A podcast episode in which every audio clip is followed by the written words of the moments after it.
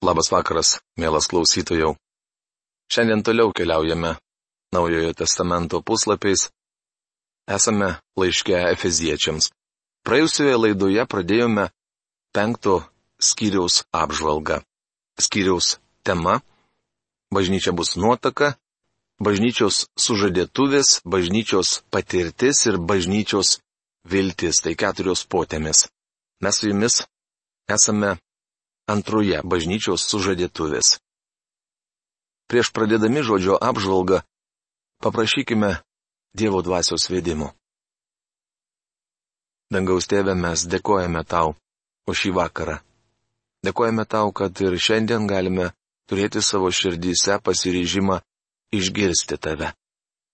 Palaimink viešpatė kiekvieną žmogų, kuris ryžosi atsisėsti prie radio imtuvo Prašau, kad tu apvalytum kiekvieno žmogaus mintis, kad tu padėtum, dangaus Dieve, palikti mums visus rūpeščius, kad jie neslėgtų dabar, kada mes klausysime tavo žodžio aiškinimo. Prašau, kad padėtum man aiškiai perteikti tai, ką esi šiandien mums visiems paruošęs.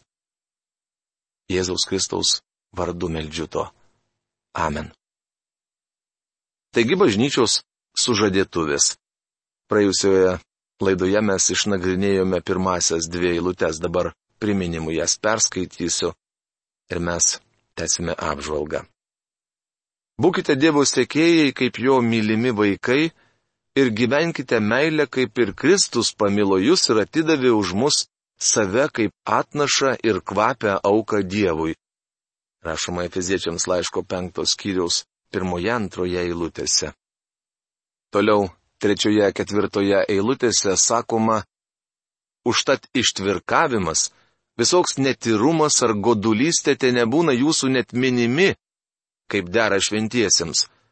Taip pat begėdystė, kvaila šneka ir juokų krėtimas jums netinka, verčiau te būna dėkojimas. Efeziečiams laiško penktos kiriaus trečia ketvirta eilutės. Čia išvardytos nuodėmės yra paplitusios šiuo laikinėme pasaulyje. Tačiau jos populiarios ir tarp tikinčiųjų.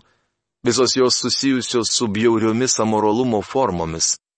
Paulius sako, kad Dievo vaikas negali nuolat jų praktikuoti. Net trumpas įsitraukimas į nuodėmę sukelia pasibjaurėjimą ir sielos agoniją. Pakartosiu, ką sakiau jau daugelį kartų. Jei jūs galite daryti nuodėmę, nejausdami jokios sąžinės graužaties, nesate Dievo vaikas. Nemanau, kad yra kokia kita alternatyva. Tačiau, jei pajuntate širdyje kaltę, galite keltis ir eiti pas tėvą, kaip darė sūnus palaidūnas. Vadinasi, esat tėvo sūnus, mat tik sūnus nori grįžti į tėvo namus. Aš dar niekada negirdėjau, kad tokiu troškimu degtų keulė. Taigi čia išvardytos bjaurios nuodėmės charakterizuojančios bedievi. Atėjęs pas Dievą išpažinti savo nuodėmių, jūs kaip tikintysis neturėtumėte surišti jų į ryšulėlį ir viso to ryšulėlio perduoti Dievui. Tai ne kokia didmeninė priekyba. Įvardykite Dievui kiekvieną nuodėmę. Pavyzdžiui, jei turite kandų liežuvį, linkusi apkalbinėti kitus, pasakykite Dievui, jog tai jūsų nuodėmė. Kai atėję pas Dievą konkrečiai išpažinsite jam savo nuodėmės, bendrystė tarp jūsų ir Dievo bus atnaujinta. Tikintieji retkarčiais suklumpa ir dalyvauja šiuose nedorybėse. Kai taip atsitinka, turite visą tai išpažinti Dievui. Fenelonas rašo. Kai brangiam draugui išsakyk Dievui viską, kas yra tavo širdyje, nusimesk naštą, atverdamas jam savo džiaugsmus ir skausmus. Išsakyk savo bėdas, kad jis galėtų tave paguosti. Išsakyk džiaugsmus, kad jis galėtų juos nuskaidrinti. Išsakyk savo troškimus, kad jis galėtų juos apvalyti. Kalbėk apie nemėgstamus dalykus, kad jis galėtų padėti tau juos nugalėti. Kalbėk jam apie pagundimus, kad jis galėtų apsaugoti tave nuo jų. Atverk savo širdies žaizdas, kad jis galėtų jas pagydyti. Atskleisk savo abejingumą gėriui, savo iškreiptą požiūrį į piktą, savo nepastovumą. Papasakok jam, jog dėl savimėlės dažnai nebūni teisingas kitų atžvilgių, kad tuštybė gundo tave būti nenuoširdžiu, kad didybė skatina užsisklęsti nuo savęs ir kitų. Jei tokiu būdu liesite visas savo nedorybės, poreikius, bėdas, niekada nepritrūksite žodžių. Ši tema neišsemiama, nuolat atsinaujinanti. Žmonės neturintys ko slėpti vieni nuo kitų nebengia jokių temų. Jie nesveria žodžių, nes neturi ko nutilėti. Taip pat nesistengia būtinai ką nors pasakyti. Jie kalba iš širdies pilnatvės tai, ką galvoja. Palaiminti, turintis tokį artimą ir atvirą ryšį su Dievu. Kiekvienas tikintysis turi atverti savo širdį Dievui. Kas nors galbūt pasakys, neįtikėtina, kad krikščionis iš viso gali daryti tokias nuodėmes, kokios išvardintos skaitytose eilutėse. Bičiuli, jei būtumėte atitarnavęs pastoriumi tiek metų, kiek tarnavau aš, žinotumėte, jog ir krikščionis įsitraukia į tokias nuodėmes. Daugelis tikinčiųjų galvoja, kad padarė netleistina nuodėme, tačiau taip nėra. Jie gali sugrįžti pas Dievą. Ištvirkavimas pasaulyje laikomas elgesio norma. Ši nuodėmė daugeliui netrodo labai baisi. Pasirodžius bjauraus šio laikinio amoralumo apraiškoms jis buvo pervadintas nauja morale. Dar visai neseniai mus šokiravo tai, kad vaikinai ir merginos buvo apgyvendinti viename bendrabutyje, nors ir skirtinguose aukštuose. Dabar vaikinai ir merginos jau gyvena viename kambaryje. Kai aš mokiausi koledže, vaikinai galėdavo svečiuotis tik merginų bendrabučio vestibiulyje. Aš ir šiandien manau, jog tai geriausias variantas. Aš laikysiuos biblinės nuostatos ištvirkavimas yra nuodėme. Nesvarbu, kas jūs esate. Jei gyvenate ištvirkaudamas, negalite būti Dievo vaikas. Kas nors galbūt paprieštaraus. Minutėlę. Sakėte, kad Dievo vaikas gali išpažinti savo nuodėmę ir atnaujinti bendrystę su Dievu. Taip. Bet Dievo vaikas negali išpažinti nuodėmės ir toliau joje gyventi tai aiškiai liudyja, jog tas žmogus nėra Dievo vaikas. Visoks netyrumas. Ši savoka apima visas amoralumo formas. Godulystė - tai godus troškimas. Trokšti galite ne vien pinigų ar materialių turtų. Žmogus gali trokšti būti protingesnis už kitus, galima geisti svetimų namų ar kito užimamos padėties. Kai kurie žmonės trokšta vadovauti kitiems. Žinoma, tai susijęs su pinigų troškimu. Sakoma, kad šikštuolis įsivaizduoja dolerius plokščius, nes yra linkęs juos krauti į krūvą, o švaistūno įsivaizduojami doleriai apvalus, matys ridena juos į kairę ir į dešinę. Godulystė yra stengimasis pasipelnyti savanaudiškais tikslais. Nesvarbu, ar sukaupti pinigai dedami į krūvą, ar švaistomi. Kai kurie žmonės tengiasi susipilti į savo aruodą visus šio pasaulio titulus.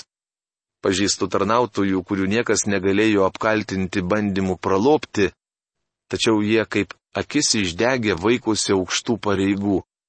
Jie nori užimti aukštą padėtį savo denominacijoje ar bendruomenėje. Godulystė yra bjauri nuodėmė, glūdinti mūsų senojoje prigimtyje tai nebūna jūsų net minimi. Tai reiškia, kad apie šias nuodėmės nedėra kalbėti palankiai ar jų trokšti. Aišku, aš vardyju šias nuodėmės nei pritardamas joms, nei jų trokšdamas. Begėdystė apibūdina aukščiausių laipsnių ištvirkimą. Tai bjaurūs, nedori dalykai, apie kuriuos šiandien kalbama vis garsiau ir drąsiau. Kvaila šneka. Tai džiaugimasis ir girimasis savo nuodėme. Ar kada girdėjote vyrus, o gal ir moteris giriantis, kiek jie išgėrė per vieną ar kitą vakarėlį? Ar girdėjote jos puikuojantis savo pasiekimais sekso srityje? Tai ir yra kvaila šneka. Jokų krėtimas. Čia kalbama ne apie sveiką, tyrą humorą. Antraip ir aš būčiau kaltas juokų krėtimu. Juokų krėtimas reiškia nerimtą požiūrį į geidulingumą ar amoralumą. Tai nešvankių istorijų pasakojimas. Verčiau te būna dėkojimas. Štai koks turėtų būti krikščioniško pašnekesio kontekstas. Aš dažnai žaisdavau golfą su nuostabiu krikščioniu, kurį mylėjau kaip broli. Kartais prie mūsų prisijungdavo ir koks neišgelbėtas žmogus, kuris kelis kartus nepataikęs kamuoliuko į duobutę, prarasdavau savitvardą. Tuomet imdavo prašyti, kad Dievas prakeiktų golfo aikštyną, smėlio trapus, jo golfo lasdas ir visa kita, kas tik ateidavo jam į galvą. Tuo tarpu mano bičiulis visuomet sakydavo šlovė viešpačiui, garbė viešpačiui. Netikintysis klausdavo, kodėl tai sakote? O kodėl jūs vartojate Dievo vardą be reikalo? Klausimų į klausimą atsakydavo krikščionis. Na tai įprotis pasiteisindavo nas. Tuomet mano bičiulis paaiškindavo, ir aš esu taip įpratęs. Kas kart, kai išgirstu žmogų prašant Dievą ką nors prakeikti, imu šlovinti jį ir už ką nors jam dėkoti. Tokiu būdu tarsi stengiuosi išlaikyti žemėje pusiausvyrą. Po šių žodžių keiksnojimai kartais paliaudavo. Mums kaip krikščionims dėrėtų išsiugdyti įprotį dėkoti. Gerai įsidėmėkite, kad joks svetimautojas, ištvirkelis ar goduolis, tai yra joks stabmeldys, nepaveldės Kristaus ir Dievo karalystės. Efeziečiams laiško penktos skyriaus penkta eilutė. Savaime suprantama, net gimdytas žmogus, darantis šias nuodėmes, neturi dalies Kristaus ir Dievo karalystėje.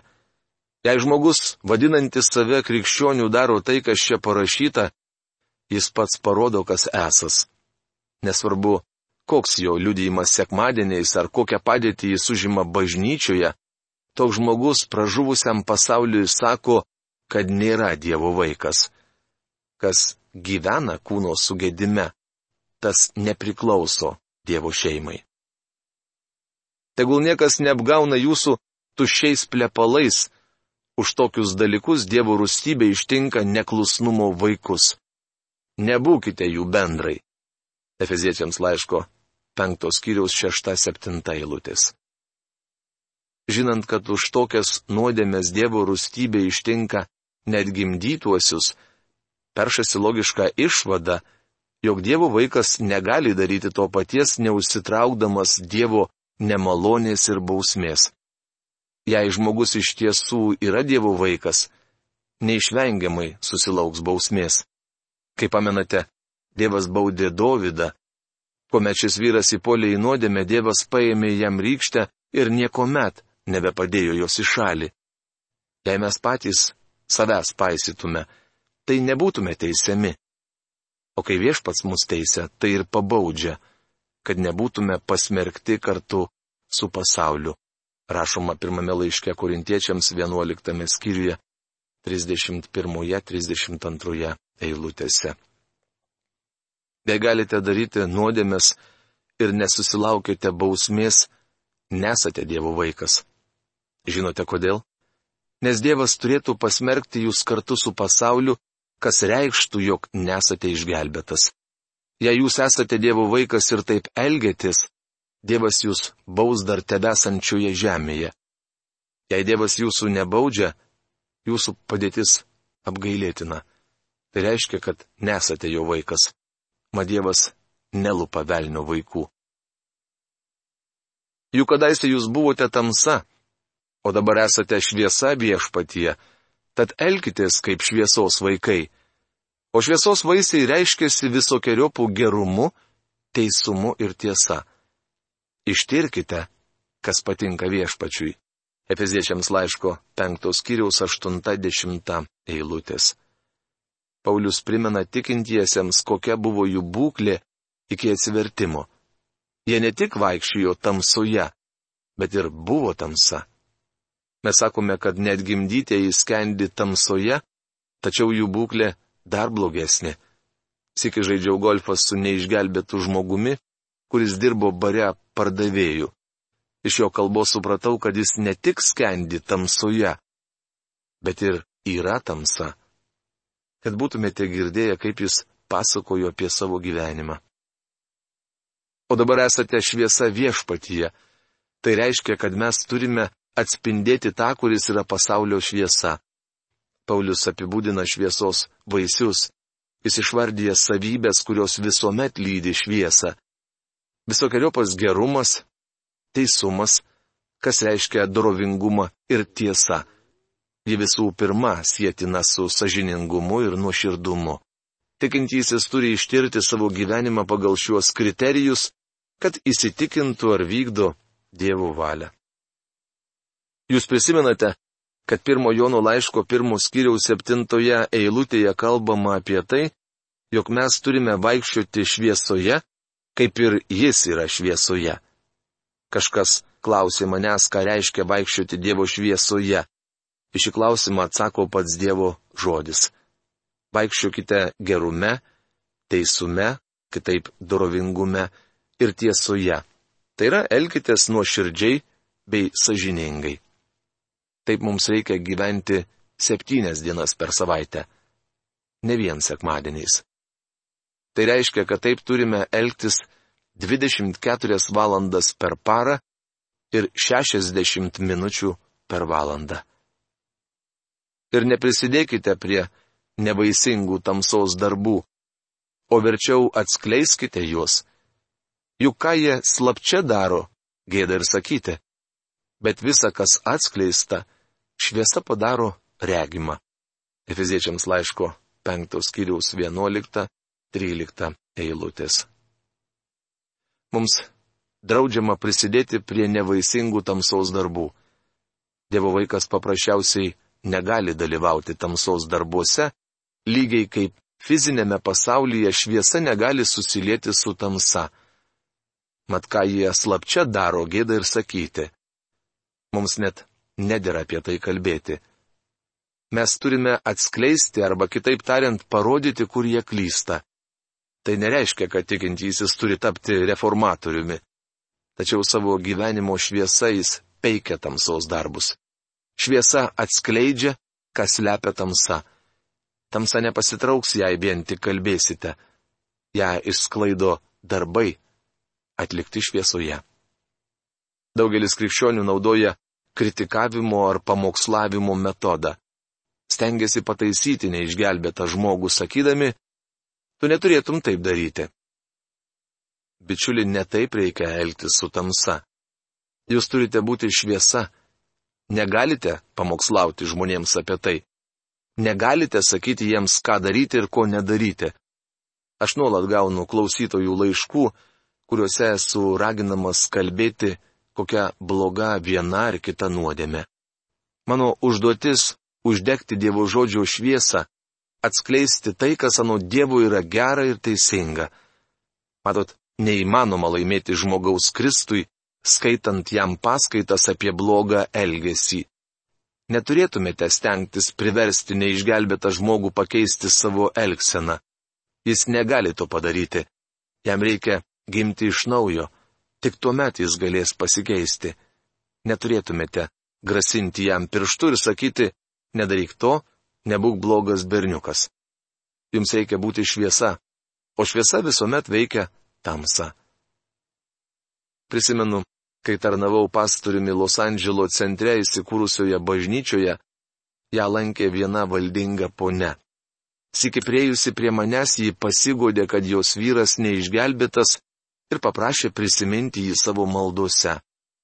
Aš ištikimai vykdžiau tos ponios prašymą Kiek vėliau ji vėl priejo prie manęs ir pasakė, jog jos vyras ateina į bažnyčią. Tačiau niekuomet neatsilieps į kvietimą priimti Kristų kaip gelbėtoje. Per pusryčius aš su ašromis akise kalbu jam apie tai, kad reikia priimti Kristų. Kalbu tą patį per pietus ir vėl verkiu, godėsi toji ponė. Ėmiau mąstyti, kaip turėtų jausti žmogus du kart per dieną, sėdėdamas prie stalo su verkiančia moterimi. Patariau tai poniai šios temos daugiau visai neliesti, sakiau. Ruoškite vyrui skanų maistą ir būkite jam maloni, kokia tik sugebate būti. Jie atsiliepė, iš to nieko nebus, juk mes turime liūdyti. Matot, toji ponia iki galo nesuprato, ką reiškia būti liudijimu. Šiaip ar taip, ji išbandė mano pasiūlytą strategiją. Liovėsi verkšlenusi savo vyro akivaizdu ir daugiau neskaitė jam jokių paskaitų. Nepraėjo ne pusės metų ir tas vyras atsigrėžė į Kristų. Matot, ilgą laiką jis klausėsi netinkamo pamokslininko. Užuot švietusi, žmona jam pamokslavo. Atminkite, kad tamsos neįsklaidysite pamokslaudami ar skaitydami paskaitas. Ją išsklaido šviesa. O kas padaryta regima yra šviesa, todėl sakoma, pabus, kuris mėgi, kelkis iš numirusių ir apšvies tave Kristus. Efeziečiams laiško penktos skyrius, keturiolikta eilutė. Žmogui neįmanoma įvykdyti šio paliepimo. Kaip gali žmogus pabusti iš numirusių? Kaip jis gali pabusti iš dvasinės mirties? Mus pažadinti gali tik Dievas. Manau, Paulius nori pasakyti, kad tikintieji turi pabusti iš dvasinio sąstingio. Todėl rūpestingai žiūrėkite, kaip jūs elgėtės, kad nebūtumėte tartum neišmanėliai, bet kaip išmintingi, gerai naudojantys laiką, nes dienos yra piktos. Nebūkite neprotingi, bet supraskite, kokia yra viešpaties valia. Efeziečiams laiško 5 skyriaus 15-17 eilutės. Aš šias eilutes veršiau taip. Rūpestingai žiūrėkite, kaip elgėtis, ne kaip neišmintingi, bet kaip išmintingi, išpirkdami laiką, nes dienos yra piktos. Todėl netapkite neprotingi, kitaip kvaili, bet supraskite, kokia yra viešpaties valia. Tai dar vienas paliepimas susijęs su tikinčiojo elgsena. Mes privalome elgtis išmintingai, branginti laiką. Tikinčiojo gyvenimas turėtų būti akivaizdus įrodymas, kaip svarbu gyventi Dievui. Pagrindinis tokios elgsenos tikslas - nuolat vykdyti Dievo valią. Dievo valia krikščioniui turi būti kaip bėgiai, kuriais rėda traukinys. Jo elgsena šiame pasaulyje liudyja, kad jis priklauso Kristui.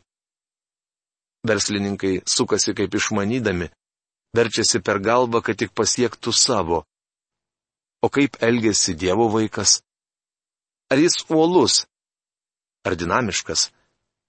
Ar dirba ir gyvena Dievui. Tikintysis turi gyventi šiame pasaulyje taip, kad matytųsi, jog jis priklauso Kristui. Sako, kad teksasiečių neklausima, ar jis teksasietis. Jeigu žmogus teksasietis, sužinosite tai ir neklausdami. O jei neteksasietis, toks klausimas gali žmogų sutrikdyti. Bičiuli, krikščionis turi elgtis taip, kad ir neklausus būtų aišku, jog jis dievų vaikas. Mums visiems reikia rūpintis savo elgseną. Tokia žinia šiandien. Iki greito pasimatymo. Sudė.